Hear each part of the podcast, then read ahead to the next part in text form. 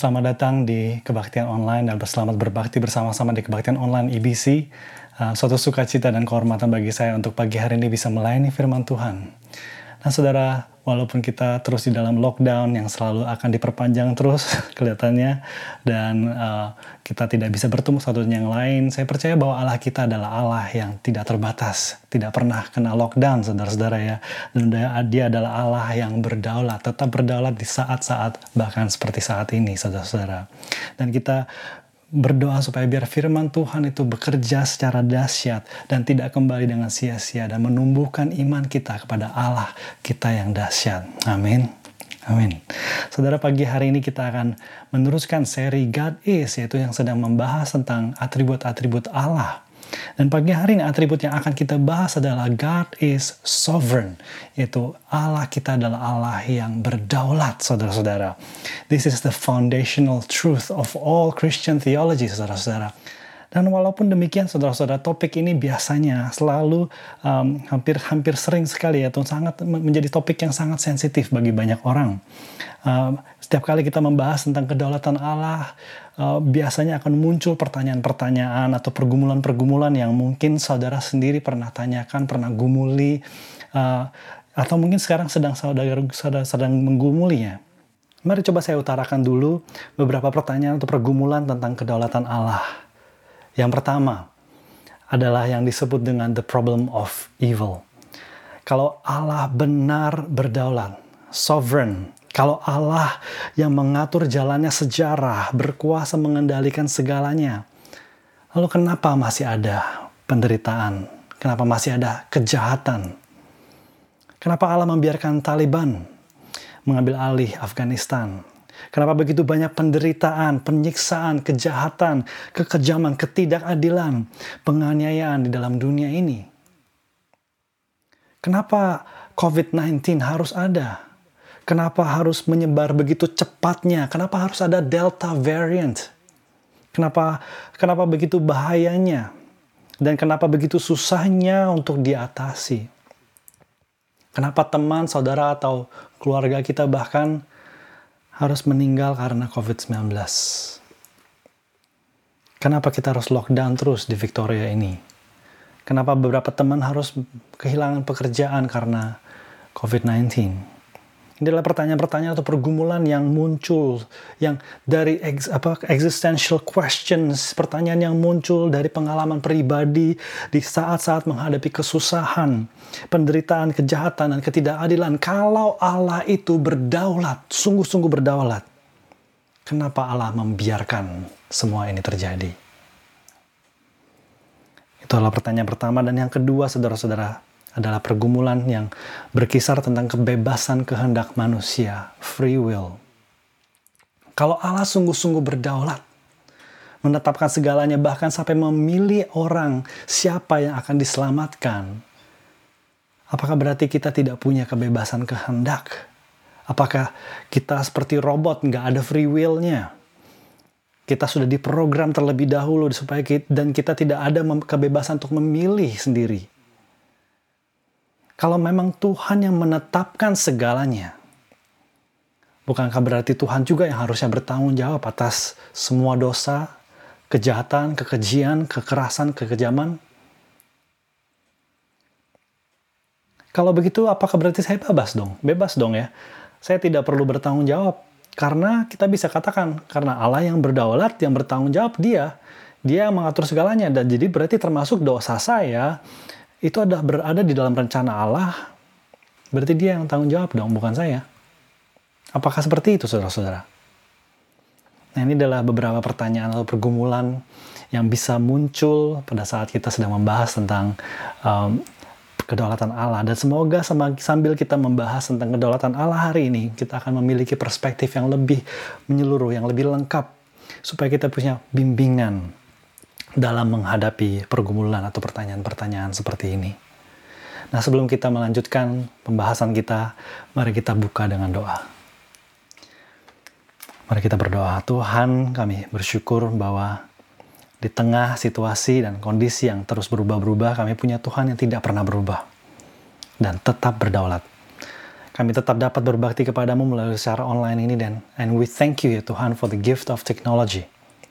Kami mengucap syukur untuk kesempatan sekali lagi untuk, untuk duduk diam di bawah kakimu dan mendengarkan firman-Mu. Tuhan biarlah kau kuasai hambamu ini yang lemah ini dan berbicaralah secara dahsyat ya Tuhan. Bukakanlah mata kami dan tunjukkanlah kebesaran-Mu dan kemuliaan-Mu. Nyatakanlah dirimu sehingga kami sungguh dapat percaya kepada Engkau dan dapat lebih mengenal Engkau dengan benar. Terima kasih Tuhan, di dalam nama Tuhan Yesus kami berdoa dan ucap syukur. Amin. Saudara, mari kita buka firman Tuhan di dalam Yesaya 46 ayat 8 sampai 11. Dan kita baca apa yang Tuhan sendiri katakan tentang kedaulatannya. Yesaya 46 ayat 8 sampai 11 saya bacakan dalam bahasa Indonesia. Ingatlah hal itu dan jadilah malu Pertimbangkanlah dalam hati, hai orang-orang pemberontak. Ingatlah hal-hal yang dahulu dari sejak purba kala, bahwasanya akulah Allah dan tidak ada yang lain. Akulah Allah dan tidak ada yang seperti aku. Yang memberitahukan dari mulanya hal yang kemudian dan dari zaman purba kala apa yang belum terlaksana yang berkata keputusanku akan sampai dan segala kehendakku akan kulaksanakan. Yang memanggil burung buas dari timur dan orang yang melaksanakan putusanku dari negeri yang jauh. Aku telah mengatakannya, maka aku hendak melangsungkannya. Aku telah merencanakannya, maka aku hendak melaksanakannya. Saudara, apa yang Allah katakan tentang kedaulatannya? Yang pertama Allah mengingatkan kita, menyuruh kita memberikan perintah, ingatlah dan pertimbangkanlah siapa Allah itu. Ayat 9 saudara-saudara dia berkata 9 8 dan 9 berkata ingatlah pertimbangkanlah. Akulah Allah dan tidak ada yang lain. Akulah Allah dan tidak ada yang seperti aku Saudara, bukan kebetulan kita membahas topik kedaulatan Allah ini sebagai khotbah terakhir dari bagian pertama dari seri God Is. Ya, bagian pertama dari seri ini kita beri judul None like him, tidak ada yang seperti Allah. Dan ini menegaskan apa yang Allah katakan sendiri di sini, saudara-saudara. Selama empat minggu terakhir ini, kita sudah membahas tentang atribut-atribut Allah yang unik, yaitu yang hanya dimiliki oleh Allah saja atribut-atribut yang menceritakan tentang kebesaran Allah yang membedakan Allah dari segala hal yang lain, saudara-saudara.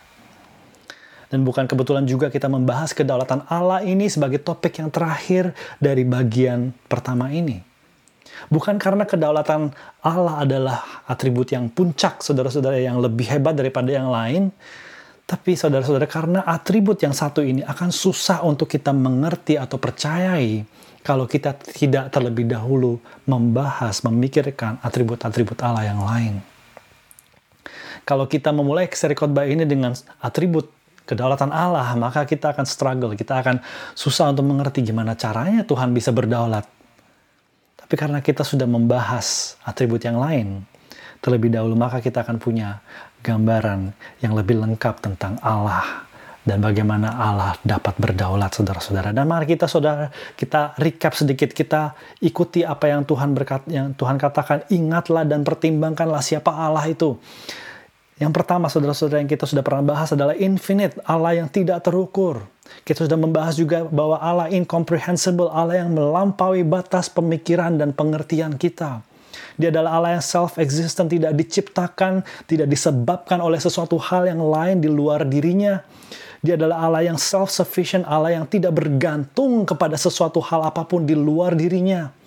Allah yang eternal, Allah yang kekal, tidak terbatas oleh waktu.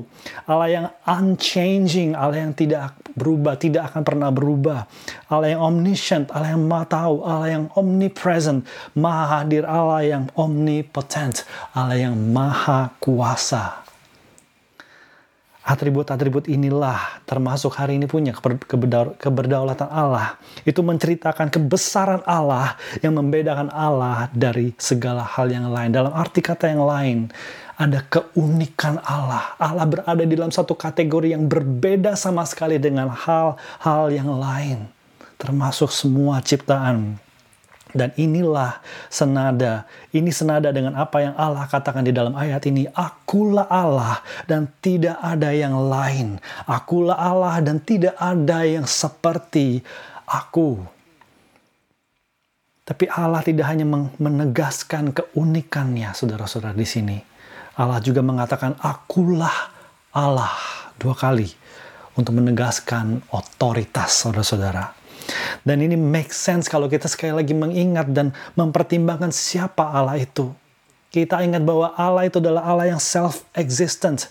Dia tidak diciptakan, dia yang dia tidak disebabkan oleh sesuatu hal dari luar dirinya, tapi malahan dialah yang pencipta, dialah sang pencipta dan sumber dari segala ciptaan.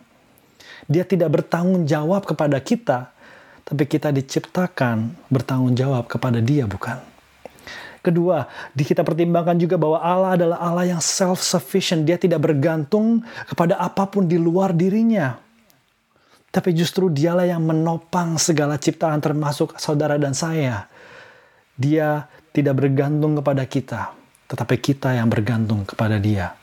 Dan yang ketiga, saudara-saudara, Allah itu adalah Allah yang infinite, incomprehensible, tidak terukur dan melampaui batas pemikiran kita.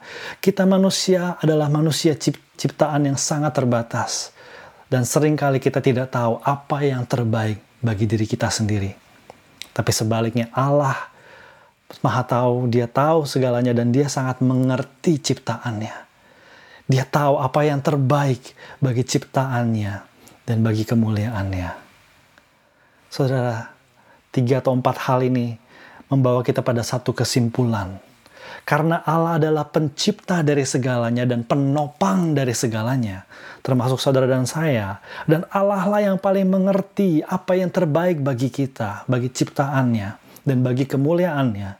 Maka Allah Allah lah satu-satunya yang unik dan layak untuk memegang hak otoritas tertinggi saudara-saudara untuk berdaulat dan menetapkan rencananya sesuai dengan kehendaknya yang sempurna. Seperti seorang penulis yang mempunyai hak dan otoritas untuk menentukan jalan cerita yang dicerita yang dituliskan dari awal sampai akhir demikianlah Allah saudara-saudara. Dia mempunyai authority atas kita karena dialah author dari segalanya. Akulah Allah dan tidak ada yang lain.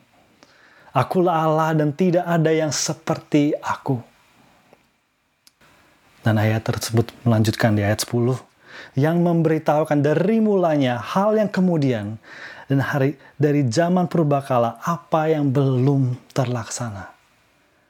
Allah di sini melanjutkan implikasi dari keunikan dan otoritasnya sebagai Allah, saudara-saudara.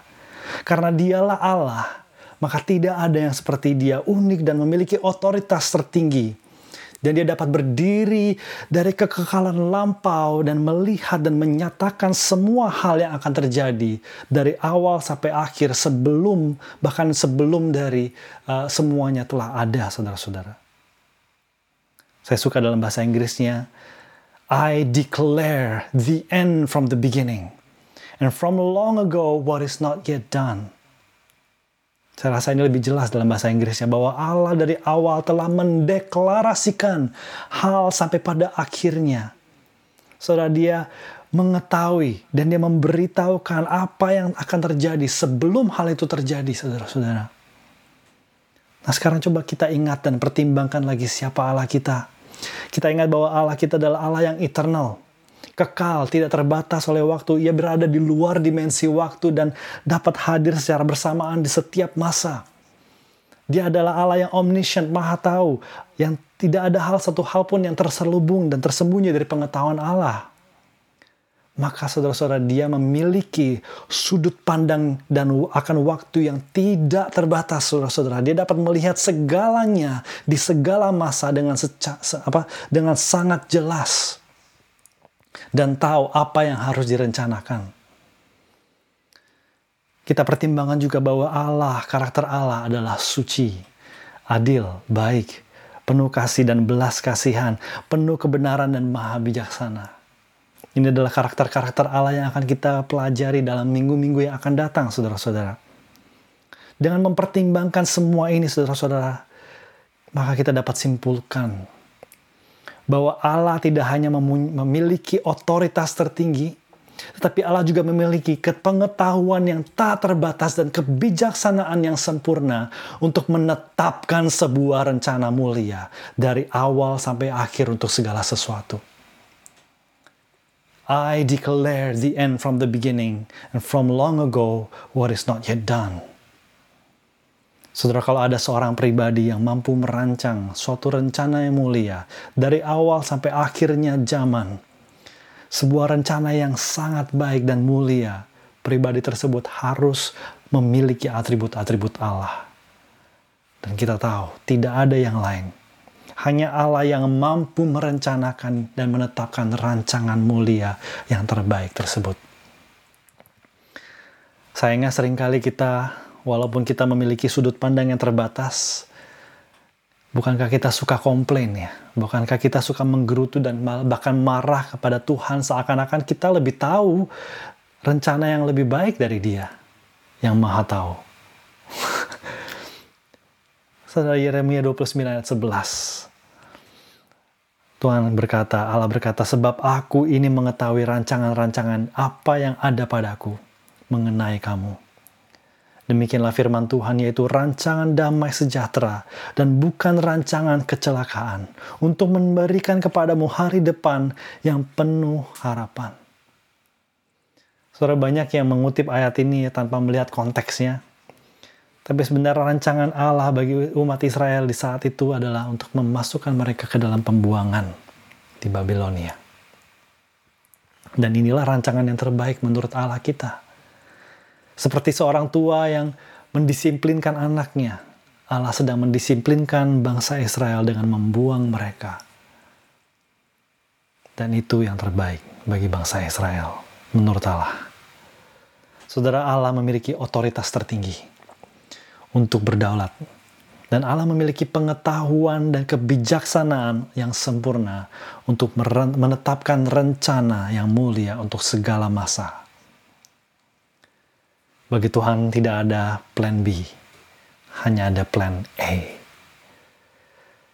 Tapi apa gunanya saudara-saudara kalau Allah hanya mampu merencanakan tetapi, tetapi tidak mampu menggenapi rencana tersebut? Kita gitu kan saudara-saudara, seberapa sering kita merencanakan sesuatu tapi kita tidak menggenapi semua rencana tersebut? Berapa kali kita berhalangan? Apa mungkin karena lockdown kita jadi harus membatalkan rencana Seberapa sering kita tuh mengubah atau mungkin bah, bahkan membatalkan rencana-rencana kita karena kita berubah pikiran atau kita jadi malas tiba-tiba. Seberapa banyak rencana kita itu yang akhirnya hanya jadi wacana, saudara-saudara. Nah, apakah Allah kita seperti itu? Mari kita lanjutkan ayat tersebut dalam ayat 10 dan 11 yang memberitahukan dari mulanya hal yang kemudian dan dari zaman purbakala apa yang belum terlaksana, yang berkata keputusanku akan sampai dan segala kehendakku akan kulaksanakan. Yang memanggil burung buas dari timur dan orang yang melaksanakan putusanku dari negeri yang jauh. Aku telah mengatakannya maka aku hendak melangsungkannya. Aku telah merencanakannya maka aku hendak melaksanakannya.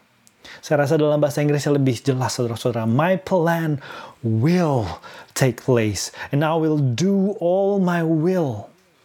Yes, I have spoken, so I will also bring it about.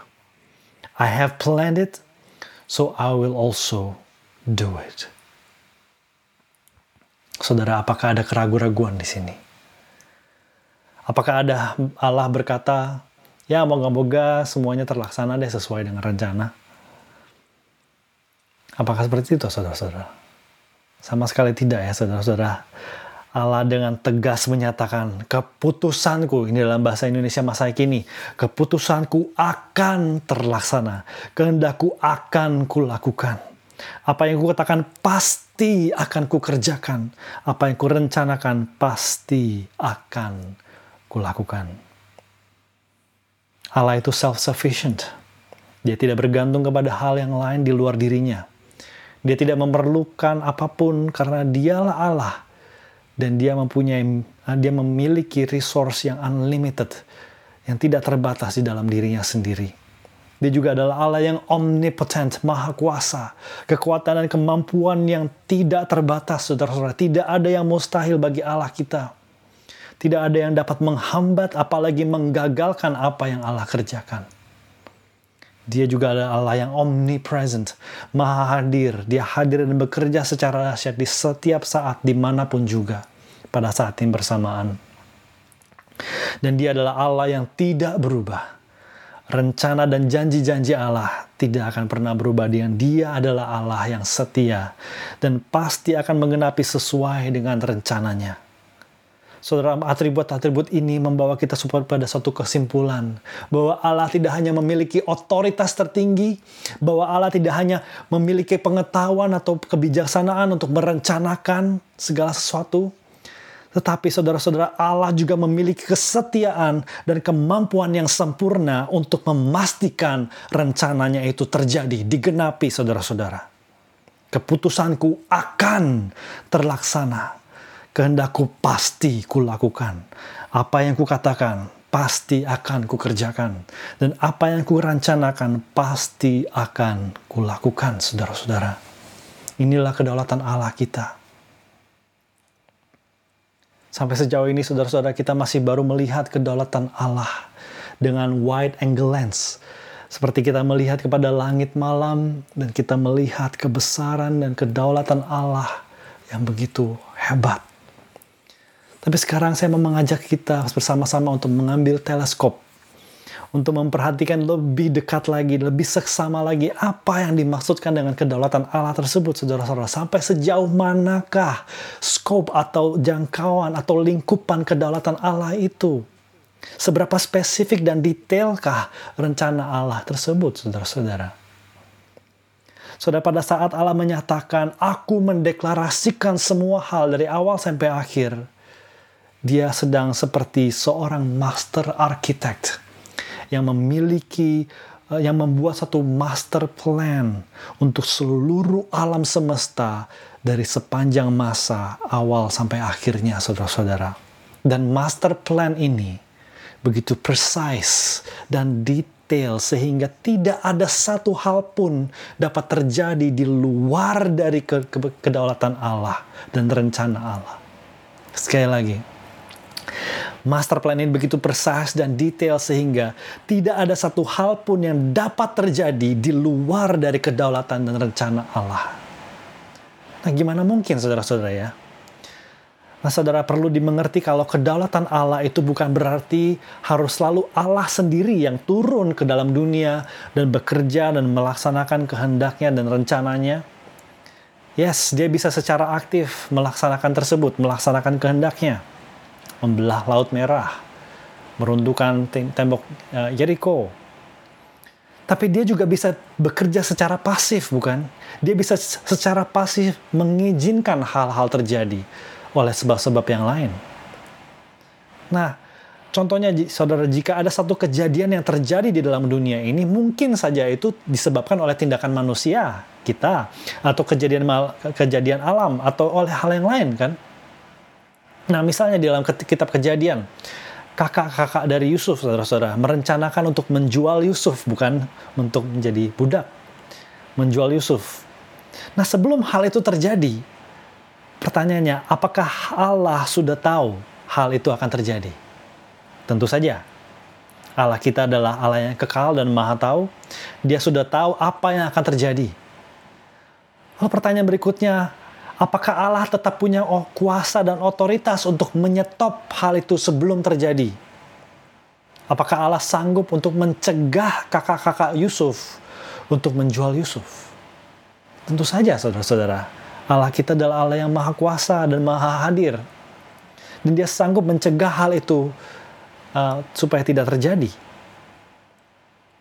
Tapi sekarang saudara-saudara, kalau Allah tidak mencegahnya, dan Allah membiarkannya itu terjadi dan mereka akhirnya berhasil menjual Yusuf sebagai budak. Bukankah ini berarti Allah telah paling tidak mengambil keputusan dalam kedaulatannya untuk mengizinkan itu terjadi? Kita perlu ingat saudara-saudara bahwa mengizinkan hal ini terjadi bukan berarti Allah itu suka dan menyetujui apa yang terjadi ya. Dia hanya memperbolehkannya itu untuk terlaksana. Tapi poinnya saudara-saudara, karena Allah telah mengambil keputusan untuk mengizinkannya, maka keputusan, keputusan itu telah diambil dari kedaulatan Allah. Maka kejadian itu ada di dalam kedaulatan dan rencana Allah. Allah tetap berdaulat. Bahkan pada saat hal ini terjadi pun. Lalu pertanyaan berikutnya, siapa yang bertanggung jawab akan kejadian ini? Apakah Allah karena dia mengizinkannya? Saudara, bukankah kakak-kakak Yusuf yang sendiri, yang bebas memilih untuk menjual Yusuf dan tanpa ada paksaan dari Allah? Bukankah itu adalah kebebasan mereka yang mengambil tindakan tersebut? Kalau iya, saudara-saudara, maka yang bertanggung jawab bukanlah Allah, tetapi mereka, kakak-kakak Yusuf. Dan ini interesting sekali saudara-saudara. Perhatikan apa yang Yusuf sendiri katakan kepada kakak-kakaknya pada akhir cerita di dalam kejadian 50 ayat 20. Memang kamu telah mereka-rekakan yang jahat terhadap aku. Tetapi Allah telah mereka-rekakannya untuk kebaikan. Perhatikan saudara-saudara ya, bahwa kata yang dipakai untuk mendeskripsikan apa yang Allah lakukan adalah Allah bukan memakainya. Ya, memang kamu telah mereka-rekakan untuk yang jahat terhadap aku, tetapi Allah telah memakainya untuk kebaikan. Bukan itu, saudara. Dia Allah tidak memakainya atau tidak mengubahnya. Tapi yang dipakai di sini, saudara-saudara, adalah mereka-rekakannya. Dalam arti kata yang lain, merencanakannya, saudara-saudara. Di sini kita bisa melihat bahwa manusia tetap bertanggung jawab. Kamu telah mereka-rekakan yang jahat kepadaku. Tetap mereka harus bertanggung jawab atas perbuatan masing-masing. Tetapi Allah tetap berdaulat. Dan Allah yang merencanakan ini semua untuk kebaikan saudara-saudara. Poinnya ini saudara-saudara dalam setiap kejadian, setiap kejadian di dalam dunia ini, Allah tidak pernah sedetik pun tidak berdaulat saudara-saudara tidak ada suatu hal apa pun yang telah terjadi atau yang akan terjadi di luar dari kedaulatan dan rencana Allah. Kalau ada hal yang terjadi di luar dari kedaulatan Allah dan rencana Allah, sekecil apa pun hal itu, saudara-saudara, maka Allah sebenarnya tidak berdaulat. Dan kalau Allah tidak berdaulat, maka ia bukan Allah, saudara-saudara. Kalau Allah yang kita sembah tidak berdaulat, maka yang kita sembah itu bukan Allah. R.C. Sproul mengatakan, if God is not sovereign, God is not God. And if the God you believe in is not a sovereign God, then you really don't believe in God. You may have a theory of God, you may have a theoretical theism, but bottom line, for all practical purposes, it's no different from atheism because you are believing in a God who is not sovereign. Allah kita adalah Allah yang berdaulat. Tidak ada yang lain seperti Allah kita. Tidak ada yang lain seperti Allah. Saya tidak tahu saudara bagaimana, tapi saya secara personal saya akan menyembah, saya hanya akan menyembah Allah yang berdaulat seperti ini. Yang penuh dengan kepastian, berdaulat dan tidak pernah kewalahan, saudara-saudara. Saya tidak akan bisa percaya kepada Allah yang tidak yakin akan masa depan. Saya tidak mau menyembah Allah yang pelin-pelan, yang hanya dapat merencanakan tetapi tidak bisa memastikan rencana tersebut digenapi. Saya akan curiga terhadap janji-janji Allah yang seperti itu karena tidak terjamin. Saudara saya percaya Allah yang kita sembah adalah Allah yang berdaulat, dependable, Allah yang memegang kendali segala hal, yang dapat menjamin masa depan bagi kita dan bagi kemuliaannya. Allah yang berdaulat. Dan karena Allah berdaulat, saudara-saudara, maka tidak ada hal yang lain. Tidak ada satu orang pun makhluk atau ciptaan apa pun yang lain yang berdaulat selain Allah. What a comfort, saudara-saudara, to know bahwa setan, the devil, is not sovereign, but God is sovereign. Bahkan bukan pemerintah-pemerintah, penguasa-penguasa dunia yang berdaulat. Bukan Daniel Andrews yang selalu mengextend lockdown yang berdaulat, saudara-saudara. Tapi Allah yang berdaulat. Bukan Taliban yang yang berdaulat, tetapi manusia yang dan bukan manusia yang berdaulat, saudara-saudara, tapi Allah yang berdaulat bukan sakit penyakit, bukan COVID-19 yang berdaulat, bahkan bukan kematian yang berdaulat, saudara-saudara, tapi Allah kita yang berdaulat. Di dalam dunia ini sebenarnya tidak ada yang namanya good luck atau bad luck atau hoki, saudara-saudara. Tidak ada satu hal pun yang berdaulat dalam dunia ini. Kecuali satu pribadi yang sedang duduk di, atas tahta di surga. Yang memerintah dan berdaulat, merencanakan, berkuasa, dan itulah Allah kita yang kita percayai dan sembah. Charles Haddon Spurgeon berkata, There is no attribute more comforting to his children than that of God's sovereignty. Sekarang mari kita pelajari area tiga area kedaulatan Allah. Saudara yang pertama Allah berdaulat dalam ciptaan dan alam. Mazmur 33 ayat 6 sampai 9 berkata, "Oleh firman Tuhan langit telah dijadikan, oleh nafas dari mulut mulutnya segala tentaranya. Ia mengumpulkan air laut seperti dalam bendungan. Ia menaruh samudera raya ke dalam wadah. Biarlah segenap bumi takut kepada Tuhan. Biarlah semua penduduk dunia getar terhadap Dia. Sebab Dia berfirman, maka semuanya jadi. Dia memberi perintah, maka semuanya ada. Saudara, semua hal yang ada, lautan, matahari, bulan, bintang, bumi, dan segala isinya, saudara dan saya, semuanya ada, semuanya tercipta karena rencana dan kedaulatan Allah. Saudara dia tidak hanya menciptakan tetapi juga menopang segalanya. Ibrani 1 ayat 3. Ia adalah cahaya kemuliaan Allah dan gambar wujud Allah dan menopang segala yang ada dengan firman-Nya yang penuh kekuasaan. Selain itu saudara-saudara Allah itu bebas dan berdaulat untuk mengatur dan memerintah segalanya sesuai kehendaknya. Bukankah Allah yang memerintahkan ikan besar untuk menelan Nabi Yunus? Bukankah ia yang lalu kemudian memerintahkan pohon untuk bertumbuh menaungi Nabi Yunus? Dan lalu setelah itu dia juga memerintahkan ulat yang kecil untuk mematikan pohon tersebut. Dari hal yang paling besar sampai hal yang paling kecil, Allah berkuasa dan memerintah segala ciptaan.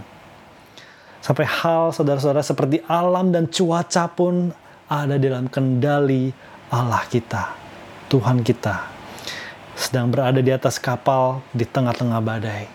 Dan Tuhan kita Yesus Kristus hanya perlu mengatakan dua kata kepada badai tersebut. Diam, tenanglah. Maka apa yang terjadi saudara-saudara? Angin badai reda dan danau menjadi teduh sekali. Saudara Allah kita adalah Allah yang berdaulat atas ciptaan dan alam yang kedua, saudara-saudara, Allah tidak hanya berdaulat dan atas ciptaan dan alam, tapi Allah juga berdaulat dan memerintah dan mengatur dan menetapkan jalannya sejarah manusia. Dari hal yang terkecil sekalipun, tidak ada suatu hal pun yang terjadi secara random, secara acak. Amsal 16 ayat 33 berkata, undi dibuang di pangkuan, tetapi setiap keputusannya berasal daripada Tuhan. Dari hasil dadu yang dilemparkan, sampai rencana bangsa-bangsa semua bertulut lutut kepada rencana dan kedaulat, rencana dan kedaulatan Allah. Mazmur 33 ayat 10 sampai 11. Tuhan menggagalkan rencana bangsa-bangsa. Ia meniadakan rencan, rancangan suku-suku bangsa. Tetapi rencana Tuhan tetap selama-lamanya. Rancangan hatinya turun-temurun Bahkan kedudukan-kedudukan raja dan penguasa-penguasa ada di dalam tangan Allah. Daniel 2 ayat 21 bagian pertama berkata dia mengubah saat dan waktu. Dia memecat raja dan mengangkat raja. Daniel 4 ayat 17 yang maha tinggi berkuasa atas kerajaan manusia dan memberikannya kepada siapa yang dikehendakinya. Bahkan orang yang paling kecil sekalipun dapat diangkatnya untuk kedudukan itu. Saudara segala kuasa yang dimiliki penguasa-penguasa dunia ini adalah kuasa yang didelegasikan hanya mereka hanya menerimanya karena Allah mengizinkan mereka untuk menerima kuasa tersebut.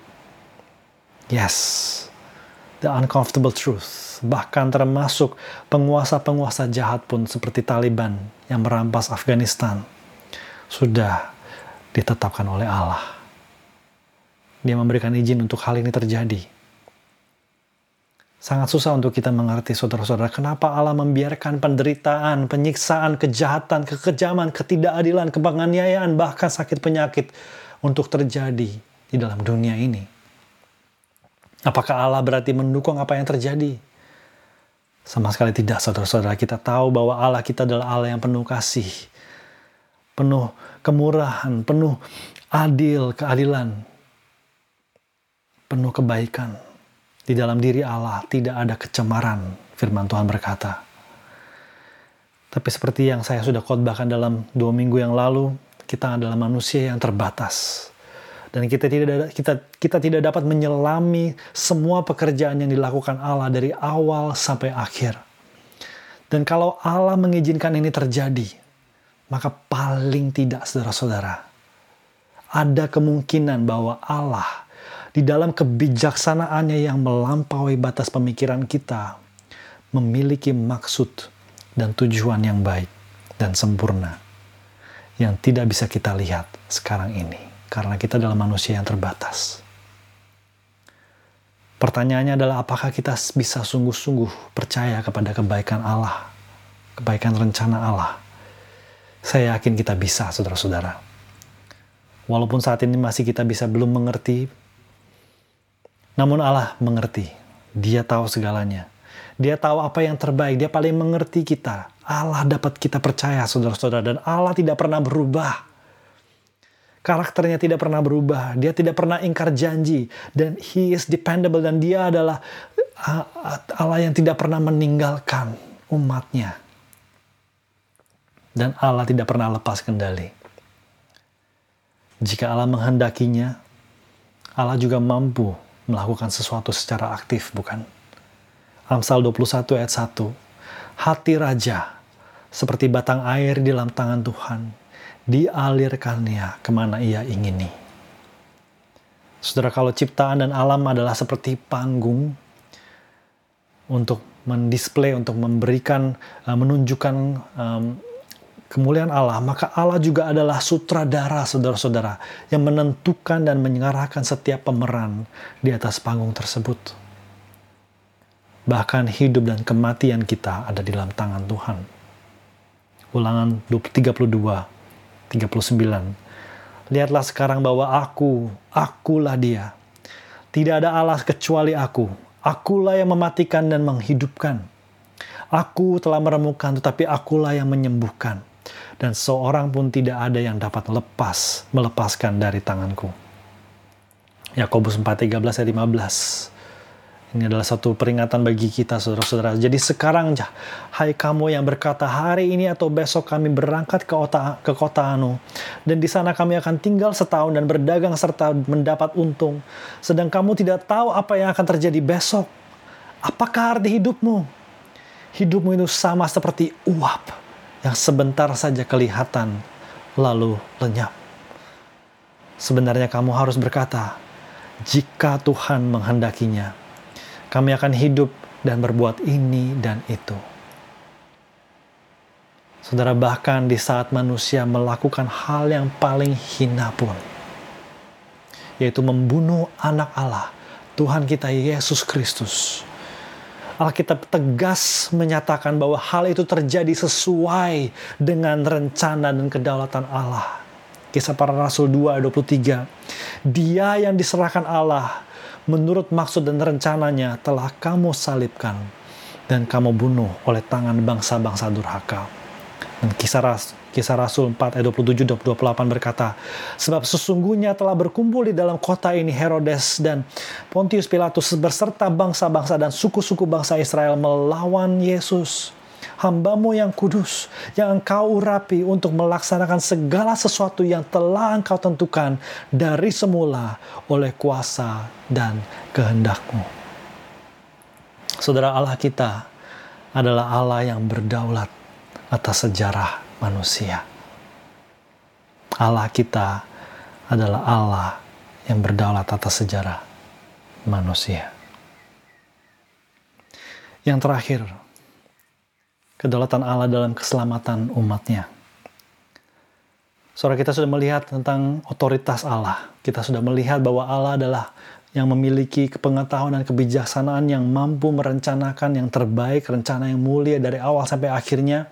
Kita juga sudah melihat kemahakuasaan dan Allah yang kemahakuasaan Allah dalam memastikan bahwa rencananya akan digenapi. Dia berdaulat atas semua hal yang terjadi. Tidak ada hal yang dapat terjadi di luar kedaulatan Allah. Dia juga adalah Allah yang berdaulat di dalam di dalam ciptaan dan alam dan juga adalah yang dia adalah Allah yang berdaulat dalam sejarah manusia. Lalu bagaimana dengan keselamatan manusia, saudara-saudara? Apakah mungkin Allah yang telah merancangkan segalanya, jalannya sejarah bahkan sampai disalibnya Yesus Kristus pun direncanakan tapi tiba-tiba tentang keselamatan umatnya Allah tiba-tiba tidak berdaulat. Apakah mungkin seperti itu? Efesus 1 ayat 4 sampai 6 berkata, Sebab di dalam dia Allah telah memilih kita sebelum dunia dijadikan, supaya kita kudus dan tak bercacat di hadapannya. Di dalam kasih ia telah menentukan kita dari semula oleh Yesus Kristus untuk menjadi anak-anaknya. Sesuai dengan kerelaan kehendaknya supaya terpujilah kasih karunia-Nya yang mulia yang dikaruniakannya kepada kita di dalam Dia yang dikasihinya. Allah menegaskan dengan jelas saudara-saudara bahwa Allah berdaulat. Yang memilih umatnya sebelum dunia dijadikan. Yang menentukan dari semula siapa yang akan menjadi anak-anak Allah sesuai dengan kerelaan kehendaknya. Dan karena Allah telah merencanakannya, apa yang tadi saya 46 katakan. Aku telah merencanakannya, aku pasti melaksanakannya. Dan Yohanes 6 ayat 37 kita melihat bagaimana ini terjadi saudara-saudara. Yesus berkata, semua yang diberikan Bapa kepadaku akan datang kepadaku. Dan barang siapa datang kepadaku, ia tidak akan kubuang. Dan kisah Rasul 13 ayat 48 semua orang yang ditentukan Allah untuk hidup kekal menjadi percaya. Ada suatu kepastian di sini, saudara-saudara ya. Bukan sesuatu hal yang uh, ragu-ragu. Allah kita itu sungguh, sungguh berdaulat, bahkan dalam keselamatan umat pilihannya. Dia tidak hanya memilih lalu membiarkan, tapi karena dia telah memilih saudara-saudara, dia juga pasti, dia memastikan bahwa mereka akan selamat. Nah, di sinilah ada beberapa orang yang akan bingung dan bertanya, oh jadi gimana dengan free will? Bagaimana dengan kehendak bebas? Apakah kita jadi seperti robot? Apakah kita menjadi seperti dipaksa oleh uh, Tuhan untuk percaya? Tidak saudara-saudara ya, kedaulatan Allah itu bukan sesuatu hal yang kaku yang harus merampas kebebasan ciptaannya tapi justru bekerja sama dengan kebebasan manusia. Dan bagaimana mungkin saudara-saudara kita lihat sebentar. Kita lihat, kita perhatikan bagaimana mungkin kita bisa memegang kedua-duanya. Kedaulatan Allah yang mutlak di satu sisi dan juga kebebasan manusia untuk memilih di satu sisi lagi. Nah, ibaratnya seperti ini saudara-saudara yang cara Tuhan bekerja. Ini contoh yang saya dapatkan dari seorang pendeta Indo, uh, Pak YTH, Pak Yakub Trihandoko, dan saya suka sekali dia punya penggambaran ini ada seorang gelandangan, saudara-saudara. Ada seorang gelandangan yang sudah sekarat sekali. Yang mau mati karena dia kelaparan. Dan dia juga sakit keras karena kekurangan gizi. Sebenarnya dia masih masih ingin hidup. Tapi kelihatannya harapan sudah sangat tipis. Dia mencari makanan di mana-mana. Dari satu tempat eh, tempat sampah ke tempat sampah yang lain Uh, ternyata semuanya habis dan dia menyam, dia sampai di suatu tempat tempat sampah yang terakhir saudara-saudara yang setelah dia bilang kalau misalnya ini nggak ada lagi saya pasti mati. Dan ternyata saudara-saudara tempat sampah itu pun juga kosong. Dan bahkan makanan basi pun tidak ada lagi. Harapan habis saudara-saudara. Tapi tiba-tiba, tiba-tiba ada seorang kaya yang datang dan menawarkan makanan. Menawarkan tempat tinggal bagi dia. Dan bahkan menawarkan obat untuk penyakitnya. Kira-kira apa yang akan orang ini lakukan, saudara-saudara? Orang ini tidak mungkin menolaknya, kan? Orang ini tidak mungkin tidak menerimanya, bukan? Kenapa? Karena dia sangat membutuhkan semua yang ditawarkan itu, bukan? Pertanyaannya, saudara-saudara, di saat orang ini, gelandangan ini, menerima tawaran tersebut dari orang kaya tadi, apakah dia terpaksa? Apakah dia terpaksa? Enggak dong ya. Karena dia tetap punya kebebasan kan untuk menolak. Dia tetap punya kebebasan untuk bilang, enggak deh, enggak deh, gue mati aja. Tapi karena penawaran tersebut adalah suatu hal yang begitu baik, begitu murah hati, begitu indahnya, orang ini tidak akan menolaknya.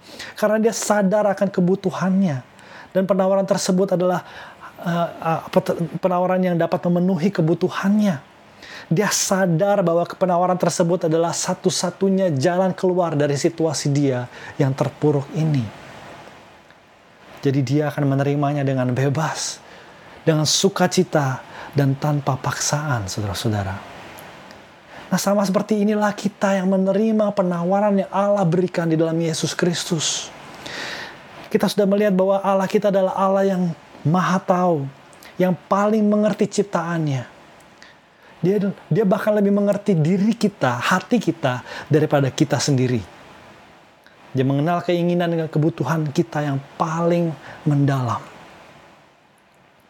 Dan dari kekalahan lampau, saudara-saudara, dari kekekalan, dari awal mulanya, sebelum dunia dijadikan, dia telah memilih kita Bukan karena kita hebat, bukan karena kita baik, bukan karena kita akan setia. Tapi semua karena kemurahan hati Allah. Ia lalu mengatur segala masa dan kejadian, situasi dan kondisi di sekitar kita. Dan mempersiapkan kita untuk bertemu dengan dia sehingga pada saat Allah memberikan penawaran anugerahnya kepada kita, kita sudah siap. Dan itu menjadi suatu tawaran yang sangat indah, yang sangat begitu desirable, irresistible, saudara-saudara. Kita akan secara bebas untuk dengan sukacita dan menerima tanpa paksaan penawaran tersebut. Kasih karunia, yaitu amazing grace, memberikan kita iman di dalam Yesus Kristus yang disalibkan bagi kita penawaran Allah tersebut akan menjadi sesuatu yang irresistible, yang tidak mungkin tidak kita terima. Karena penawaran tersebut adalah good news, the best news. Penawaran yang tidak akan terbandingi, yang sangat indah, yang memenuhi segala keinginan dan kebutuhan kita yang terdalam, yang paling mendasar, satu-satunya jalan keluar dari situasi kita Demikianlah kedaulatan Allah, saudara-saudara, dapat bekerja secara berdaulat, bahkan di atas kebebasan manusia. Siapakah Allah selain Allah kita? Siapakah Allah yang seperti Allah yang kita sembah dan kita percayai? Tidak ada, saudara-saudara. Tidak ada. Jadi mari saudara pada akhirnya kita memikirkan implikasi dari kedaulatan Allah bagi hidup kita. Yang pertama saudara, marilah kita bertelut kagum dan takut akan otoritas dan kuasa kedaulatan Allah kita. Sungguh tidak ada yang lain seperti Allah kita, declaring the end from the beginning. Dan segala rencana dan kehendaknya itu pasti terlaksana. Dan tidak ada satu hal pun yang terjadi di luar kehendak dan rencana Allah. Dan kita bisa percaya kepada dia bahwa dia selalu pasti ada maksud yang baik. Bahwa dia akan mendatangkan kebaikan bagi orang-orang yang dikasihinya. Yang mengasihi dia. Dan telah terpanggil di dalam Yesus Kristus. Yang kedua, marilah kita bersyukur sungguh-sungguh bersyukur atas keselamatan kita yang kita terima di dalam Yesus Kristus yaitu keselamatan yang bukan yang murahan tetapi sesuatu hal yang mahal yang sudah direncanakan sejak kekekalan. Dan kita dapat melihat rencana mulia yang Allah kerjakan itu telah ditawarkan kepada kita. Yang begitu indahnya saudara-saudara kita terima di dalam Yesus Kristus. Tentang doa yang ketiga saudara-saudara. Mungkin saudara ada pernah bertanya kalau Allah berdaulat dan dia mengatur segalanya, dia sudah punya rencana. Ngapain kita berdoa? Apa gunanya kita doa? Saudara, itu adalah konsep yang salah. Pertanyaan seharusnya, pertanyaannya seharusnya adalah kalau Tuhan berdaulat, kenapa tidak berdoa? Karena kalau kita mau berdoa, kita akan berdoa kepada yang berdaulat, bukan? Seharusnya. Dialah yang mampu melakukan sesuatu. Dan dia bekerja bahkan di atas kebebasan mendak manusia. Kita dapat berdoa kepada Allah yang berdaulat, saudara-saudara. Yang keempat, saudara-saudara, tentang penginjilan. Biarlah kita bersuka cita dan semakin semangat menyebarkan, mengabarkan Injil karena kita tahu saudara-saudara bahwa usaha kita tidak akan sia-sia. Tidak akan ada hati yang begitu kerasnya yang di mana Allah tidak dapat bekerja. Allah yang berdaulat akan bekerja mempersiapkan anak-anaknya yang telah dipilih dan ditentukan sejak awal. Mari kita berdoa. Tuhan terima kasih atas firman-Mu. Terima kasih kami punya Allah yang seperti Engkau. Bahwa Engkau adalah Allah yang mempunyai otoritas tertinggi Engkau tidak hanya memiliki otoritas tertinggi, tapi engkau punya pengetahuan yang tidak terbatas dan kebijaksanaan yang begitu hebatnya sempurna ya Tuhan untuk merencanakan segalanya dari awal sampai akhir.